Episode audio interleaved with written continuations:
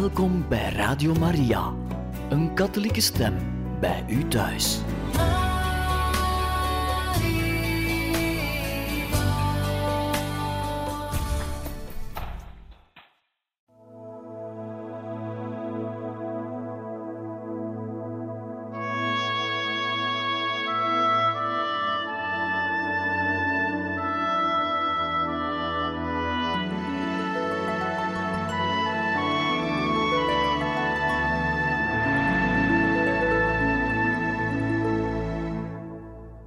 Van harte welkom, beste luisteraars van Radio Maria, in het programma Heiligen Getuigen, waar wij u voorlezen uit het boek Mijn levensverhaal, geschreven door de heilige Thérèse van Lisieux.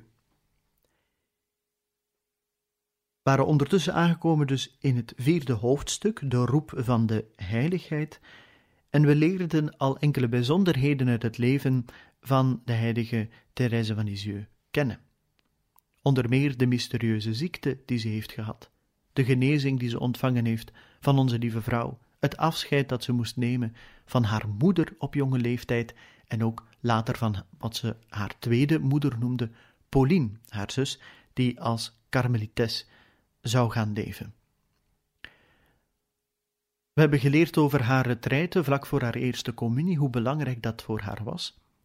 En daarna hoorden we ook enkele anekdotes een inzicht in de spiritualiteit van de heilige. We gaan, net zoals hij zelf schrijft, verder met haar onderwerp, en dat is het jaar na haar eerste communie. Ik merk dat ik aardig ver van mijn onderwerp afgedwaald was. Ik zal zo snel mogelijk ernaar terugkeren. Korte kanttekening ze schrijft dus gericht aan moeder Agnes, de overste in de Karmel, die ook haar zus was, Pauline.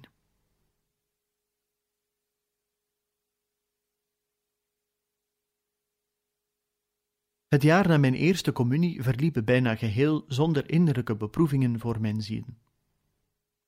Tijdens de retraite voor mijn tweede communie overviel mij echter de verschrikkelijke ziekte van scrupulus. Je moet die marteling zelf doorgemaakt hebben om die goed te kunnen begrijpen. Ik zou niet uit kunnen drukken wat ik anderhalf jaar lang te lijden had. Alles wat ik dacht of deed bracht me in verwarring. Ik had alleen rust als ik dat alles uitsprak tegenover Marie. Dat kostte me veel, want ik voelde me ook verplicht de onzinnige gedachten te noemen die ik over haar had. Zodra ik mijn last neergeworpen had, proefde ik een moment rust, maar die vrede ging bliksemsnel voorbij en al snel begon mijn marteling opnieuw. Wat een geduld moet Marie opgebracht hebben om naar mij te luisteren, zonder ooit haar verveling te laten merken. S'avonds, als ik nog maar net terug was uit de abdij, begon ze al met het krullen van mijn haar voor de volgende dag. Elke dag had het koninginnetje krullen in haar haren om papa een plezier te doen, dit tot grote verbazing van haar kameraadjes en vooral van de leraressen, die nog niet meegemaakt hadden dat een kind door haar ouders zo vertroeteld werd. Tijdens die sessie hield ik niet op te huilen en vertelde over mijn scrupules. Aan het einde van het jaar kwam Céline naar huis. Haar schooltijd zat erop. De arme Therese was verplicht alleen weer naar school te gaan en het duurde niet lang of ze werd ziek. Het enige wat het voor haar aantrekkelijk kon maken in het internaat te blijven, was het samen zijn met haar onafscheidelijke Céline.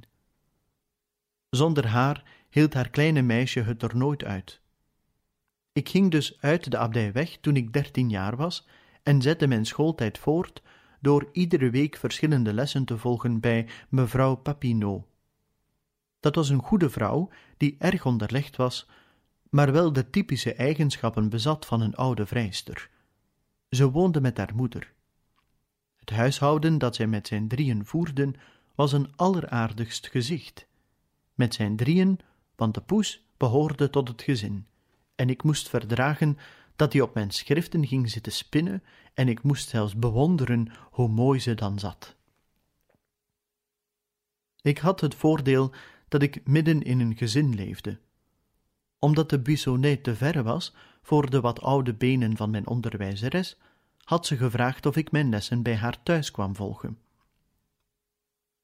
Als ik daar aankwam, trof ik daar gewoonlijk alleen de oude dame Cochin aan, die me met haar grote, heldere ogen aankeek en dan met een bedaarde en deftige stem riep: Mevrouw Papineau, mejuffrouw Therese is er. Haar dochter antwoordde dan ogenblikkelijk met een kinderstemmetje: Hier ben ik, mama. En meteen begon de les. Die lessen hadden het voordeel, naast het feit dat ik er dingen leerde, dat ik kennis kon maken met de wereld. Wie had het ooit kunnen denken? In deze ouderwets ingerichte kamer, met boeken en schriften om me heen, maakte ik vaak allerlei bezoekjes mee, van priesters, dames, jonge meisjes enzovoort. Mevrouw Cochin probeerde het gesprek gaande te houden, zodat haar dochter mij les kon geven. Maar op zulke dagen leerde ik niet zoveel. Met mijn neus in een boek gestoken hoorde ik alles wat er gezegd werd, en zelfs wat ik beter niet had kunnen opvangen. Ijdelheid glipt zo makkelijk je hart binnen. Een dame zei eens dat ik mooi haar had. Een andere vroeg toen ze wegging, omdat ze dacht dat ik het toch niet kon horen, wie dat knappe meisje was. Die woorden, die des te vrijender waren, omdat ze niet tegen mij uitgesproken werden, lieten in mijn ziel een indruk van genoegen achter, die mij duidelijk liet zien hoezeer ik vervuld was van eigenliefde. Ik heb zo te doen met zielen die verloren lopen. Het is erg makkelijk om af te dwalen op de met bloemen versierde wegen van de wereld. Zeker voor een iets wat verheven ziel is de vreugde die de wereld biedt vermengd met bitterheid, en die immens grote leegte van verlangens zou nooit opgevuld kunnen worden met de lofuitingen van een moment. Maar als mijn hart niet al direct bij zijn ontwaken naar God gericht was geweest, als de wereld mij sinds mijn intrede in het leven toegelachen had, wat zou er dan van mij geworden zijn? Moeder, ik bezing met zoveel dankbaarheid de barmhartigheden van de Heer. Hij heeft me immers, volgens deze woorden uit het boek Wijsheid, uit de wereld weggerukt voor de boosheid mijn geest kon vertroebelen en de bedriegelijke schijn mijn ziel in verleiding kon brengen. De heilige maagd waakte ook over haar bloempje. Omdat ze niet wilde dat het contact met de dingen van deze aarde het bloempje zou ontluisteren, nam zij het mee naar haar berg, waar het ten volle kon ontluiken. In afwachting van dat gelukkige moment nam de kleine Therese toe in liefde voor haar hemelse moeder. Om haar die liefde te bewijzen, deed zij iets wat haar veel gekost heeft en dat ik in het kort zal vertellen, terwijl het eigenlijk een lang verhaal is. Bijna meteen na mijn komst op de abdij was ik opgenomen in de Vereniging van de Heilige Engelen. Ik hield erg van de devoties die daaraan verbonden waren. Ik voelde me namelijk heel bijzonder aangetrokken tot het gebed tot de gelukzalige geesten in de hemel, en meer speciaal tot die welke de goede God mij als gezel geschonken heeft tijdens mijn ballingschap. Enige tijd na mijn eerste communie werd het lint van de heilige engelen ingewisseld voor dat van kandidaten voor de kinderen van Maria, maar ik verliet de abdij zonder toegelaten te zijn tot de vereniging van de heilige maagd. Omdat ik van school afgegaan was, voor ik daarmee helemaal klaar was, kreeg ik geen toestemming om daarbij te komen als oud-leerlinge.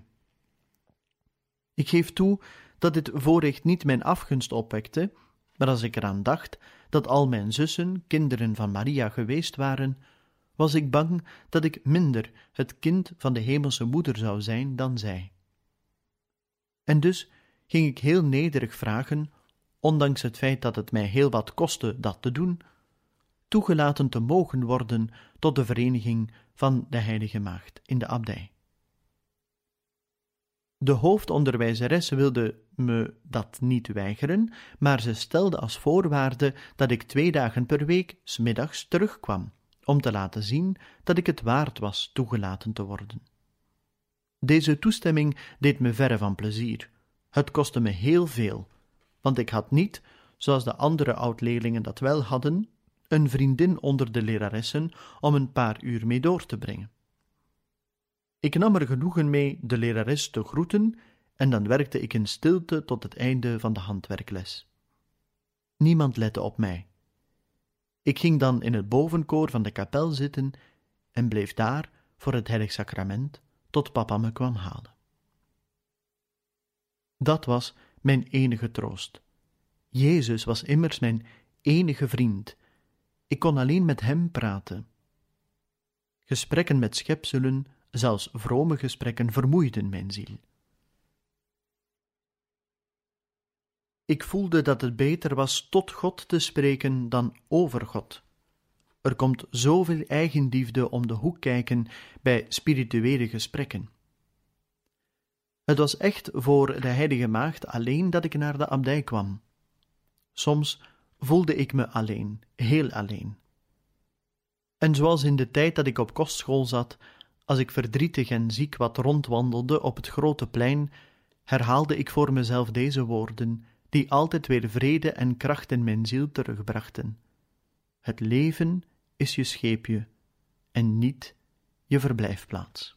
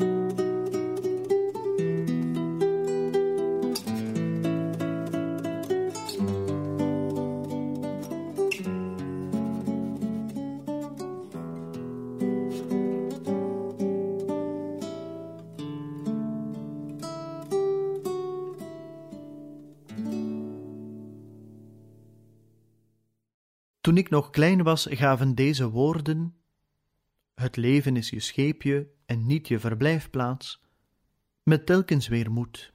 En dat is nu nog, ondanks de jaren die zoveel indrukken van kinderlijke vroomheid doen vervagen. Het beeld van het scheepje kan mijn hart nog altijd bekoren en helpt het om de ballingschap te doorstaan. Zegt het boek Wijsheid niet dat het leven als een schip is dat door het golvende water vaart en geen enkel spoor achterlaat van zijn snelle doortocht? Als ik aan die dingen denk, geeft mijn ziel zich over aan het oneindige. Het is alsof ik al de eeuwige oever raak. Het lijkt dan alsof ik al door Jezus omhelst word. Ik meen mijn hemelse moeder te zien, die mij tegemoet komt met papa, mama, de vier kleine engeltjes. Ik meen eindelijk te mogen genieten van het echte en eeuwige leven met ons gezin. Maar voor ik het gezin verenigd zal zien in het hemels vaderhuis, zouden we nog heel wat keren van elkaar gescheiden worden. Het jaar dat ik werd aangenomen als kind van de Heilige Maagd, ontnam zij mij mijn lieve Marie. Marie was de enige steun voor mijn ziel. Het was Marie die me leidde, troostte en me hielp de deugd te beoefenen. Zij was mijn enige vraagbaak. Natuurlijk nam Pauline in mijn hart nog steeds de eerste plaats in, maar ze was ver, zo ver weg van mij. Ik had de marteling moeten doorstaan eraan gewend te raken zonder haar te moeten leven en tussen haar en mij onoverkomelijke muren te zien. Uiteindelijk had ik de trieste realiteit moeten inzien: ik was Pauline kwijt. Bijna op dezelfde manier als wanneer ze dood zou zijn geweest. Ze hield nog steeds van me en bad voor me, maar in mijn ogen was mijn Pauline, die mij zo dierbaar was, een heilige geworden. Ze kon de aardse zaken niet meer begrijpen. En alle ellende van de arme Therese zou haar, als ze ervan afgeweten had, verbaasd hebben, en ze zou daardoor minder van Therese hebben gehouden. Trouwens, zelfs als ik haar mijn gedachten had willen toevertrouwen, zoals in de Buissonnet, ik zou het niet gekund hebben. De spreektijd was alleen voor Marie. Céline en ik mochten pas tegen het einde komen. We hadden net genoeg tijd om met een bedrukt hart weer weg te gaan. En zo had ik dus in werkelijkheid alleen Marie.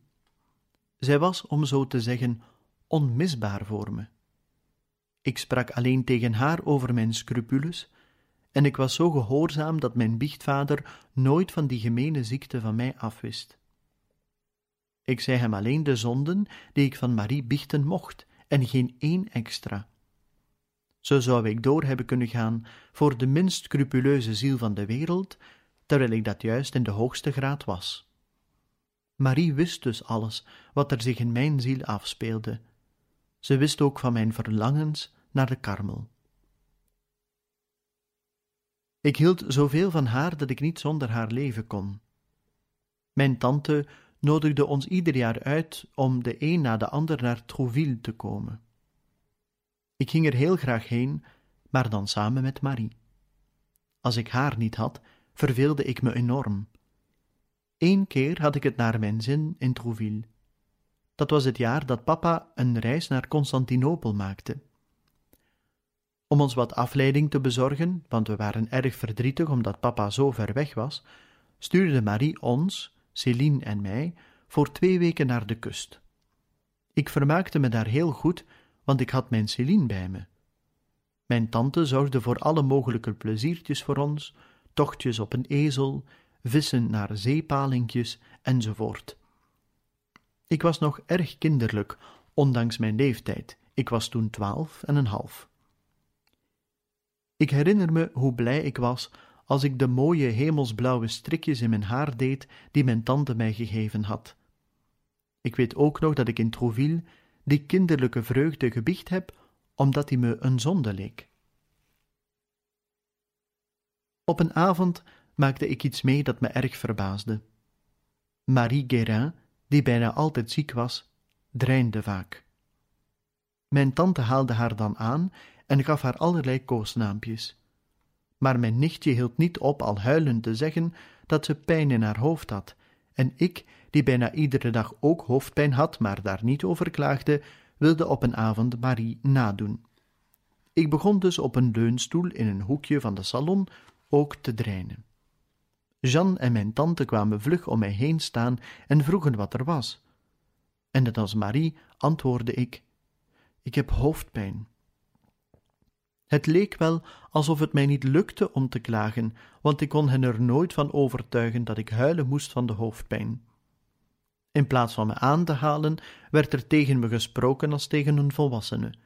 En Jeanne wierp me voor de voeten dat ik te weinig vertrouwen had in mijn tante, want ze dacht dat ik ongerust van geweten was.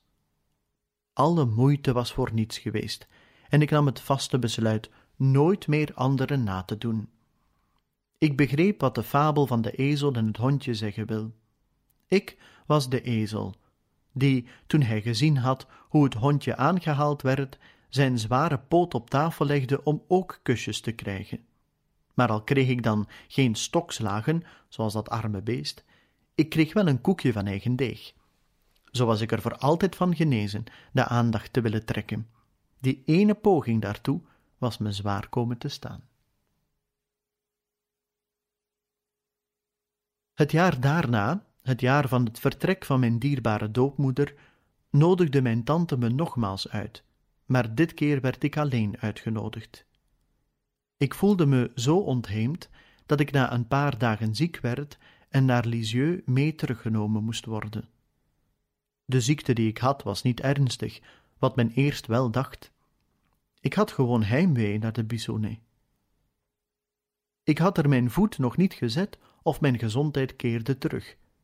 En van dat kind zou de goede God de enige steun ontnemen die er nog voor zorgde dat zij aan het leven hing. Zodra ik van de beslissing van Marie hoorde, besloot ik van geen enkel aards genoegen meer te genieten. Nadat ik van kostschool afgegaan was, had ik mijn intrek genomen in wat vroeger de schilderkamer van Pauline geweest was. Ik had die naar mijn eigen smaak ingericht. Er stond van alles en nog wat: devotionalia, curiosa, een tuintje en een vogelkooi. Achterin hingen er aan de muur een groot donker houten kruis zonder corpus en een paar tekeningen die ik mooi vond. Aan een andere muur hing een mand die versierd was met mousseline, roze linten en gedroogde kruiden en bloemen. Aan de overgebleven muur hing alleen een portret te pronken van Pauline toen ze tien jaar was. Onder dat portret had ik een tafel gezet met een grote kooi erop. In die kooi bevonden zich heel wat vogels.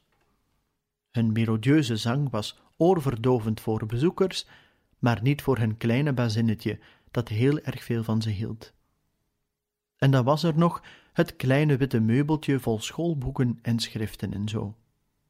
Op dat meubel stond een beeld van de heilige maagd, een paar vazen die altijd gevuld waren met echte bloemen en kandelaars.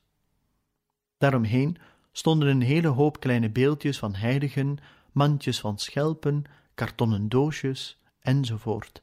En dan was er tenslotte mijn tuintje, dat voor het raam hing en waar ik plantjes in verzorgde, de zeldzaamste die ik vinden kon.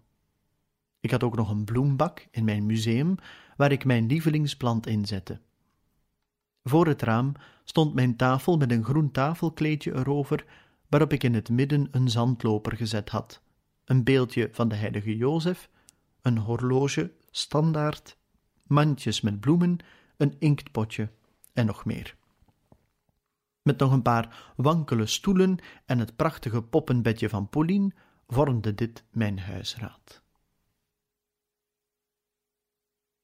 Dat eenvoudige zolderkamertje was een hele wereld voor mij. Net als meneer de Meistre zou ik een boekje kunnen schrijven met als titel Wandelend mijn kamer rond. Ik vond het fijn om in deze kamer hele uren alleen door te brengen, studerend of mediterend, met dat mooie uitzicht voor me. Toen ik van het vertrek van Marie hoorde, verloor mijn kamer al zijn charmes. Ik wilde geen moment mijn lieve zus alleen laten, die al gauw heen zou gaan. Hoeveel actes van geduld heb ik haar niet laten doen. Elke keer als ik langs haar kamerdeur kwam, klopte ik net zo lang tot ze voor me opendeed. Dan omhelsde ik haar met heel mijn hart.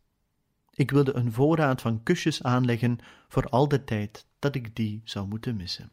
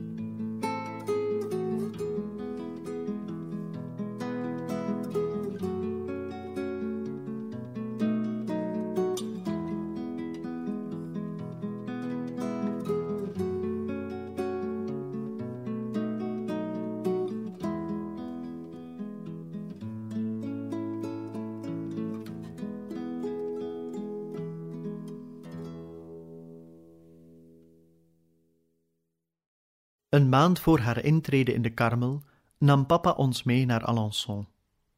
Maar die reis leek lang niet op de eerste. Alles was verdrietig en vol bitterheid voor me. Ik kan niet zeggen hoeveel tranen ik wel niet plengde op mama's graf. Ik was vergeten een bosje korenbloemen mee te nemen dat ik voor haar geplukt had. Ik trok me dan ook echt alles aan. Dat is het tegenovergestelde van nu, want de goede God geeft me de genade me door niets dat vergankelijk is van mijn stuk te laten brengen. Als ik terugdenk aan de tijd die achter me ligt, stroomt mijn ziel over van dankbaarheid bij het zien van die gunsten die ik uit de hemel kreeg. Er heeft zich zo'n verandering voltrokken in mij dat ik mezelf niet meer herken. Ik verlangde wel naar de genade om over mijn daden totale zeggenschap te hebben, er de meester van te zijn en niet de slavin. Deze woorden uit de navolging raakten me diep, maar ik moest als het ware met mijn verlangens die onschatbare genade kopen. Ik was nog maar een kind dat alleen leek te willen wat de anderen wilden, en daardoor zeiden de mensen in Alençon dat ik geen sterk karakter had. Tijdens deze reis begon Leonie haar proeftijd bij de Clarissen. Ik was verdrietig over haar ongewone intrede, want ik hield veel van haar en ik had geen afscheid van haar kunnen nemen voor ze wegging. Nooit zal ik de goedheid en verlegenheid vergeten van die arme vader toen hij ons kwam zeggen dat Leonie al het habit van Clarisse droeg. Hij vond dat net als wij wel erg vreemd, maar hij wilde er niets over zeggen, omdat hij zag hoe ontevreden Marie erover was. Hij nam ons mee naar het klooster, en daar kreeg ik een heel beklemd gevoel, zoals ik dat nog nooit gehad had bij het zien van een klooster. Het was het tegenovergestelde van wat ik voelde bij de karmel, waar alles mijn ziel tot vreugde stemde. Ik werd al evenmin betoverd door de aanblik van de religieuzen en ik voelde me er niet toe aangetrokken te blijven. Maar die arme Leonie zag er wel erg lief uit in haar nieuwe kledij. Zij zei dat we maar goed naar haar ogen moesten kijken, omdat we die niet meer terug zouden zien. Clarissen laten zich namelijk alleen zien met terneergeslagen ogen. Maar de goede God vond twee maanden van opoffering al genoeg, en Leonie kwam ons haar blauwe ogen weer laten zien, die heel vaak vol tranen waren. Toen ik Alençon verliet, geloofde ik dat zij bij de Clarissen zou blijven. Ik was dan ook erg verdrietig toen ik wegging uit die droevige Rue de la Demi-Lune. We waren nog maar met z'n drieën, en al gauw zou onze lieve Marie ons ook gaan verlaten. 15 oktober was de dag dat we van elkaar moesten scheiden. Van het vrolijke en grote gezin van de Buissonnet waren alleen nog de twee jongste kinderen over. De duifjes waren uit hun ouderlijk nest weggevlogen en degenen die achtergebleven waren, zouden hen achterna hebben willen vliegen. Maar hun vleugels waren nog te zwak om op te kunnen vliegen. Maar de goede God, die de kleinste en zwakste van alle vogeltjes tot zich wilde roepen, zorgde er in alle haast voor dat haar vleugeltjes genoeg ontwikkeld raakten. Hij die graag zijn goedheid en macht toont door zich van de minst waardige instrumenten te bedienen, wilde mij voor Céline roepen. Aan haar kwam deze gunst natuurlijk eerder toe, maar Jezus wist hoe zwak ik was, en het is om die reden dat hij mij als eerste verborgen heeft in de spleten van de rots. Toen Marie intrad in de karmel, had ik nog veel last van scrupules. Ik kon niet langer bij haar mijn hart uitstorten en nam daarom mijn toevlucht tot de hemel. Ik wendde me tot de vier engeltjes die mij daarheen voorgegaan waren, want ik dacht dat die onschuldige zielen, die nooit verwarring of angst gekend hadden, wel medelijden moesten hebben met hun arme zusje dat op aarde zo te lijden had. Met een kinderlijke eenvoud sprak ik tot hen en wees hen erop dat ik, aangezien ik de jongste van het gezin was, altijd het meest bemind was geweest en door mijn zussen met liefkozingen overladen. Als zij op aarde gebleven waren, hadden zij me natuurlijk ook hun liefde betoond. Hun vertrek naar de hemel leek mij geen reden om mij te vergeten. Maar omdat ze nu uit de goddelijke schatten putten konden, moesten zij voor mij daar de vrede uitnemen en me zo bewijzen dat men ook in de hemel nog liefhebben kan. Het antwoord liet niet lang op zich wachten. Al gauw werd mijn ziel overspoeld door die heerlijke stromen van vrede. Ik begreep dat ik bemind werd op aarde, maar ook in de hemel. Sindsdien nam mijn devotie voor mijn kleine broertjes en zusjes toe, en ik vind het fijn me vaak met hen te onderhouden, om tot hen te spreken over de droefenis van deze ballingschap en over mijn verlangen om snel bij hen te komen in het vaderland. Dat de hemel mij overlaadde met genaden, was niet omdat ik dat verdiend had. Ik was nog steeds verre van volmaakt. Ik bezat weliswaar een groot verlangen om de deugd te beoefenen, maar ik deed dat op een grappige manier. En hier volgt een voorbeeld daarvan. Omdat ik de jongste was, was ik niet gewend mezelf te bedienen. Céline maakte altijd de kamer schoon waar wij beiden sliepen, maar ik deed geen enkel huishoudelijk werk. Nadat Marie in de karmel was ingetreden, kwam het wel eens voor dat ik, om onze lieve Heer een plezier te doen, mijn bed probeerde op te maken, of, als Céline er niet was, haar plantjes s'avonds naar binnen bracht. Zoals ik zei, ik deed dat voor de goede God alleen, ik had dus niet moeten wachten op een bedankje van de mensen. Maar dat was jammer genoeg toch het geval. Als Céline per ongeluk niet zo opgetogen en verrast leek te zijn over mijn kleine diensten, was ik daar niet zo over te spreken en liet dat haar merken door middel van mijn tranen. Mijn te grote gevoeligheid maakte mij werkelijk onuitstaanbaar. Wanneer ik iemand die ik lief had verdriet deed zonder dat te willen, huilde ik tranen met tuiten, in plaats van erboven proberen te staan en niet te huilen. Dat deed mijn schuld alleen maar toenemen. En als ik bijna over het eigenlijke verdriet heen was, moest ik huilen omdat ik gehuild had. Ja, wat men ook zei, het hielp niets. Het lukte me niet die vervelende tekortkoming te verbeteren. Ik snap niet hoe ik me koesterde met de gedachte in te treden in de karmel.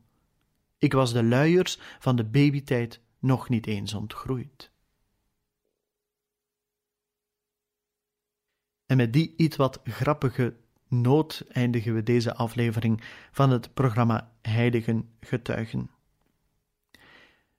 We zien dat, ondanks het feit dat de heilige Therese van Lisieux reeds op zeer jonge leeftijd een heel vroom leven had, een leven dat ten diepste verbonden was met God, dat ze toch vrij streng is voor zichzelf en ook de fouten die ze toen nog had, of de tekortkomingen, ook ze benoemt zoals ze zijn. We mogen er allen een voorbeeld aan nemen, ook wanneer we ons zouden voorbereiden op een biechtgesprek bijvoorbeeld en in ons gewetensonderzoek. Een volgende keer gaan we verder in dit eh, boek waar we u uit voorlezen, mijn levensverhaal dus, van de heilige Thérèse van Lisieux, en dan komen we aan hoofdstuk 5, mijn totale bekering, hartstochtelijk houden van Jezus en Hem volgen. En dat is dus voor een volgende keer, en dan hoop ik dat u er ook die volgende keer bij kan zijn. Van harte dank en nog een bijzonder fijne dag gewenst.